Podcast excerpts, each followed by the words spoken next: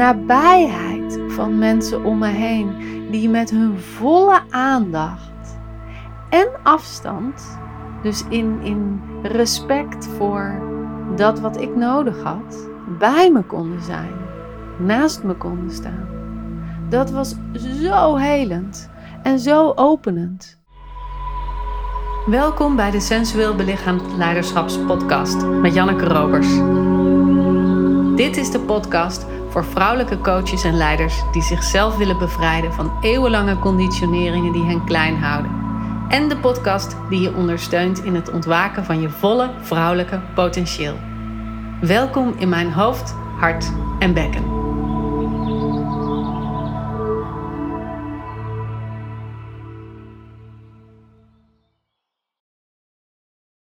In mijn vorige aflevering had ik het over de wijsheid van de baarmoeder, de fysiologische wijsheid van de baarmoeder. En wat ik daarover geleerd heb van Anna Verwaal. Als je die aflevering nog niet hebt geluisterd, doe dat dan eerst eventjes. Want ik merkte aan het eind van de aflevering dat ik nog veel meer wilde vertellen over dit onderwerp. Dus ik ga met deze aflevering gewoon door waar ik gebleven was.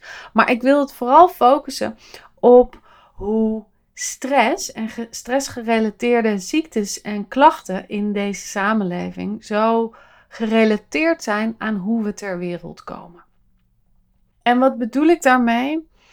Nou, ik werk heel veel met vrouwen die supersensitief zijn, die heel gevoelig zijn op wat er speelt in de wereld buiten hun eigen lijf die heel goed zijn in het lezen van hun klanten, in wat er speelt bij hun klanten, in zorgzaam zijn voor de ander. En zo missen dat ze zichzelf ook kunnen dragen en dat ze zichzelf kunnen reguleren. En dat ze hun eigen stresspatronen kunnen zien aankomen en daar zorg voor dragen, zodat ze niet zo snel uit hun lijf hoeven te schieten. En wat ik eerder vaak deed, was terugkijken in de jonge jeugd, wat daar is gebeurd, wat de reden was waarom we zo de neiging hebben om uit ons lijf te vertrekken en dat we het niet veilig voelen in ons eigen lijf. Maar wat ik afgelopen weekend bij Anne Verwaal heb geleerd, is dat geboortetrauma echt is.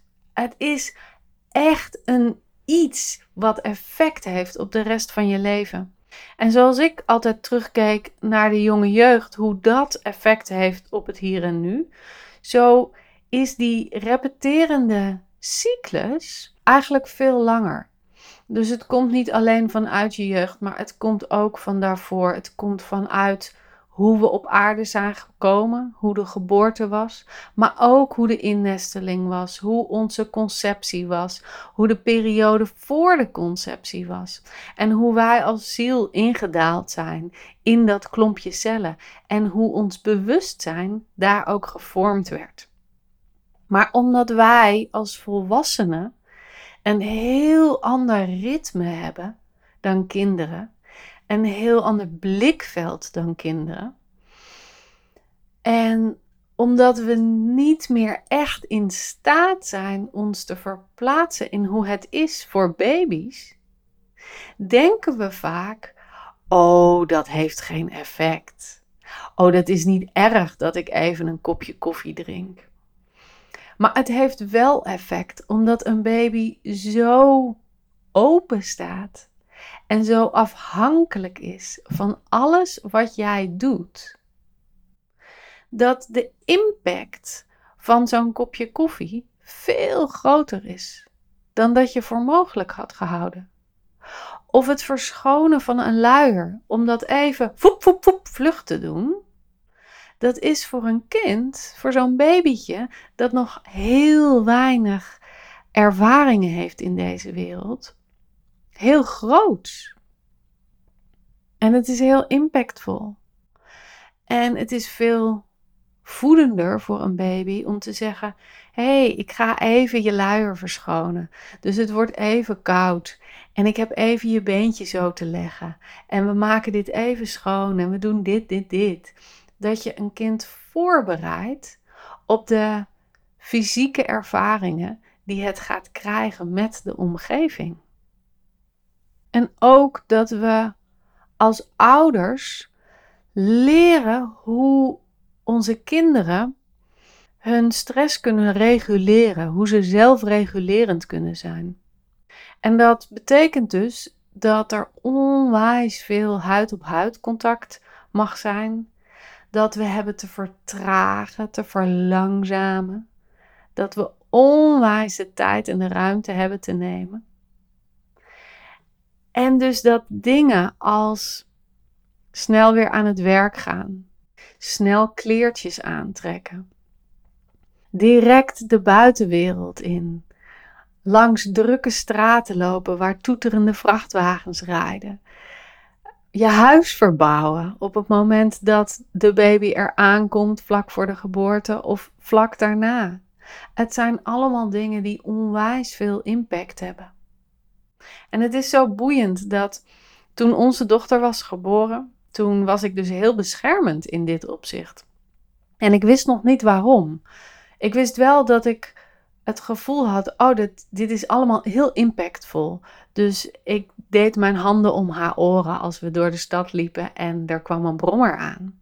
En dan zeiden mijn ouders: Nou, stel je niet zo aan. Of uh, ach, daar kan een kind best wel tegen. Of als jij het zo afschermt, dan leert het nooit omgaan met die geluiden. En later vertelde ze dat zij met de drillboor ons eerste huis hadden verbouwd op het moment dat ik net geboren was. En dat ik daardoor heen sliep.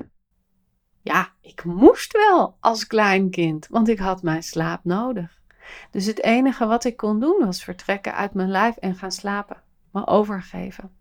En nu realiseer ik me dus dat de manier waarop ik mijn dochter beschermde voor die geluiden, was een reactie op hoe de geluiden bij mij binnen waren gekomen. Hoe heftig die impact was geweest.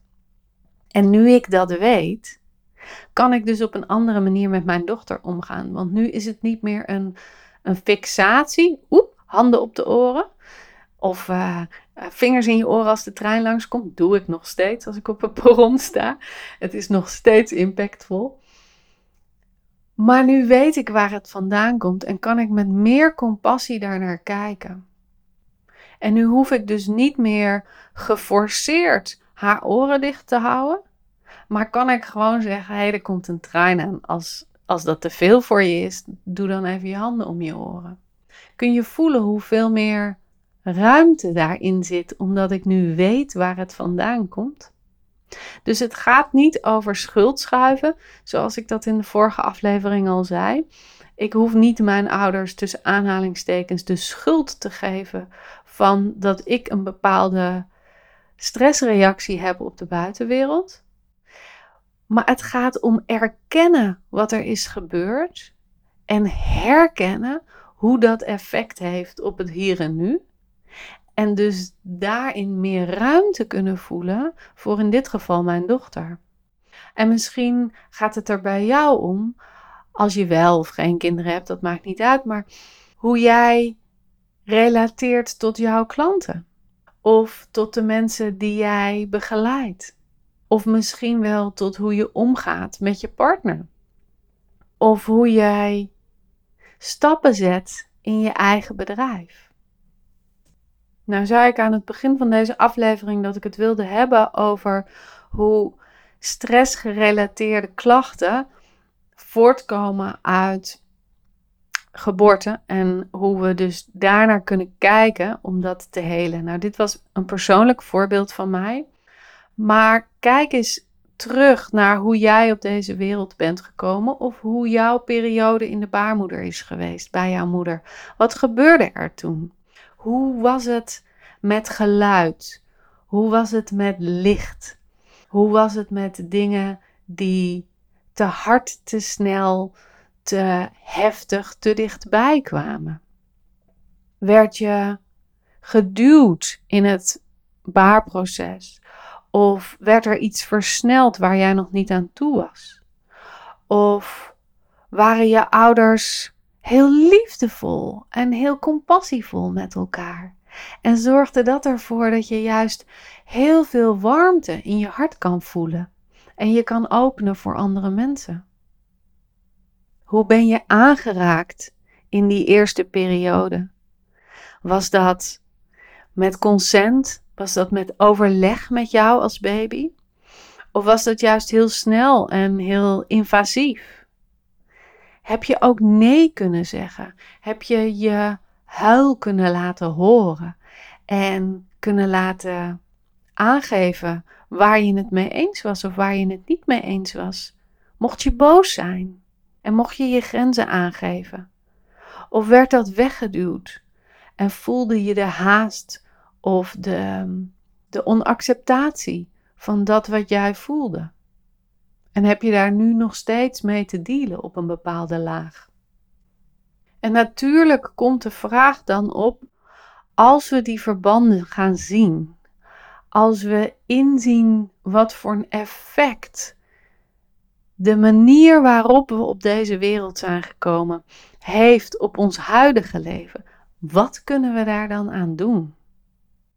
Nou, ik denk dat voor die periode, die prenatale periode, dat het zo onwijs belangrijk is om ten eerste super veel empathie te hebben.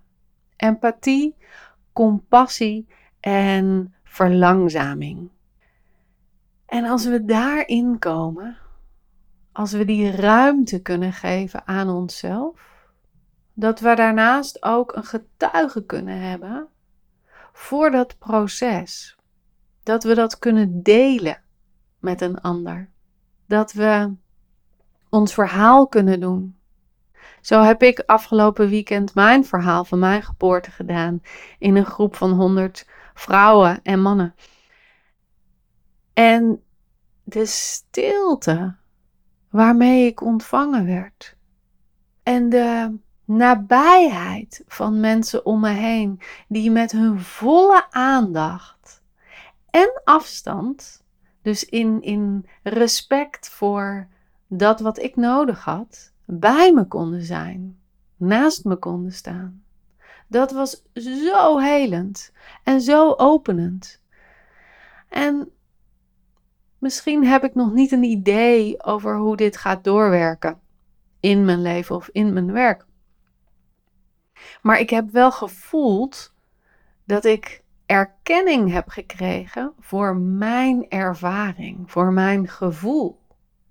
En misschien is dat niet de letterlijke ervaring geweest. Misschien is dat niet de ervaring van mijn ouders geweest.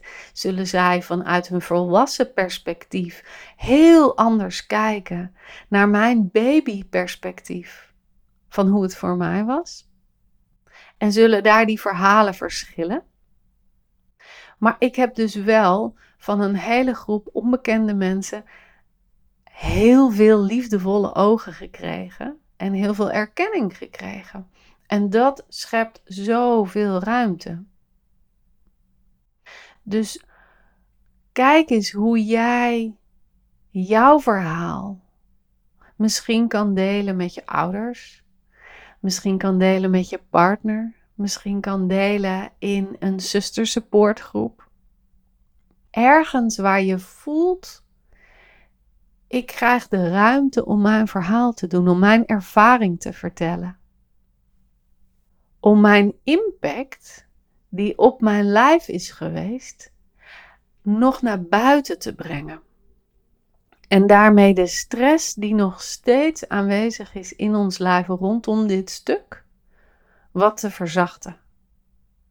Want daar gaat het om als we in deze wereld nog steeds moeite hebben met stress, met invloeden van buitenaf, met het reguleren van ons eigen systeem, dan hebben we te kijken waar is de oorsprong daarvan.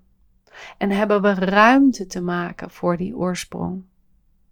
Zodat we linken kunnen leggen, maar ook zodat dat lijf nog uiteindelijk alsnog kan reguleren.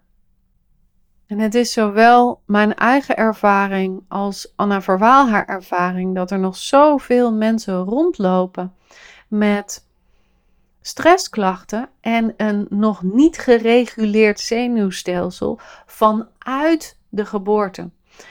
En dan is het natuurlijk niet mijn ervaring vanuit de geboorte. Mijn ervaring is vooral dat ik nog zie dat zoveel mensen een ongereguleerd stresssysteem hebben, zenuwstelsel hebben. En dat dat zenuwstelsel steeds opvlamt. En zij legt die link heel goed met dat dat dus ooit gebeurde in de geboorte. En dat er dus geen ruimte was om toen het zenuwstelsel te kalmeren of geen zicht was op dat dat nodig was. Of de situatie was er niet toe. Hè? Je weet het niet hoe het was geweest. In een oorlog kan een kind niet goed gereguleerd worden. In een spoedbevalling waar de protocollen zo zijn zoals ze zijn, komt een kind niet bij de moeder op de borst en is er afstand. Misschien was je een prematuur en moest je eindeloos in de couveuse liggen, omdat dat je leven redde. Maar het zorgde er misschien wel voor dat je zenuwstelsel niet kon kalmeren.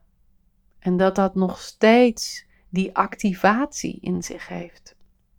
En iedere keer dat je in dit leven een activatie krijgt van iets wat er toen ook was.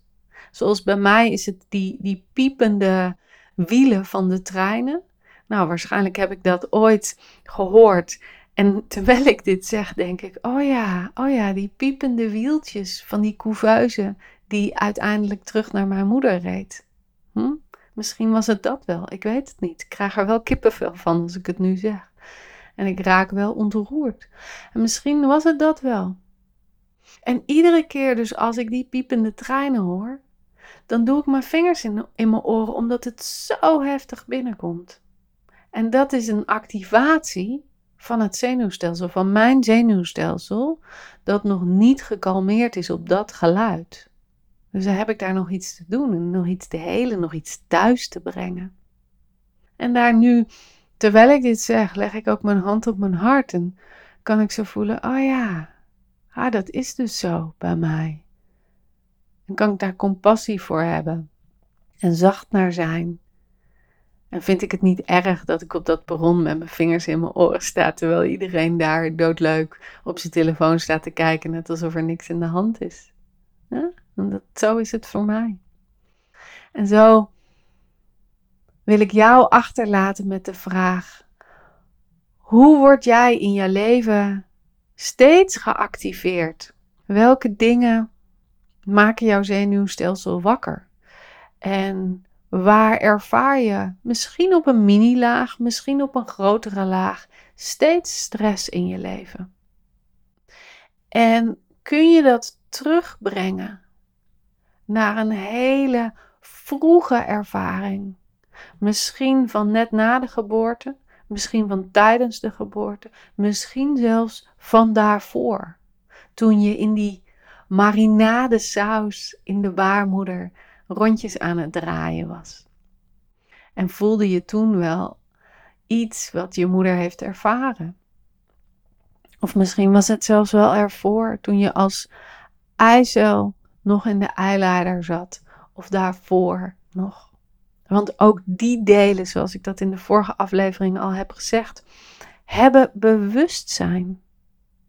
De eicellen zijn zo oud, die zitten al in ons terwijl we nog in onze moeder zitten.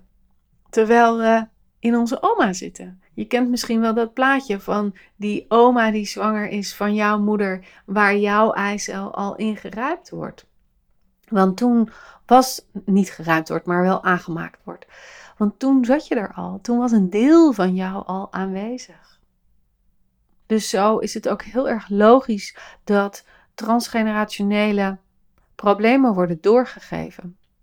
Probleem is niet het goede woord, maar dat transgenerationele dingen worden doorgegeven aan kinderen en aan kleinkinderen en aan achterkleinkinderen. En steeds zo in die rij totdat iemand zegt: hey, dit is er gebeurd.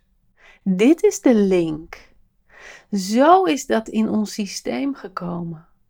En nu kan ik er naar kijken en nu kan ik er ruimte aan geven. En nu kan mijn zenuwstelsel kalmeren op dit stuk. Ik vond dit een hele mooie aflevering om te maken voor je. En ik merk dat mijn zenuwstelsel door dit vertellen ook heel erg gekalmeerd is. Dat is misschien gek om te zeggen, want dat lijkt misschien net alsof ik hier super geactiveerd achter deze microfoon zat. En dat was niet zo, maar ik kan wel voelen dat er een diepe verzachting is gekomen door dit allemaal te delen met je. En ik hoop dat in het luisteren dat ook zo is bij jou. Misschien heb je ook wel linken gelegd met verhalen die je gehoord hebt over jouw bevalling of over jouw tijd in de baarmoeder. En um, nou, als je dat wilt delen, ben je welkom. Ik vind het altijd mooi om te horen wat er gebeurt bij je na het luisteren of tijdens het luisteren van mijn podcast. Super waardevol ook. En um, ja, ik wens je een heerlijke dag en tot de volgende aflevering. Doei doei!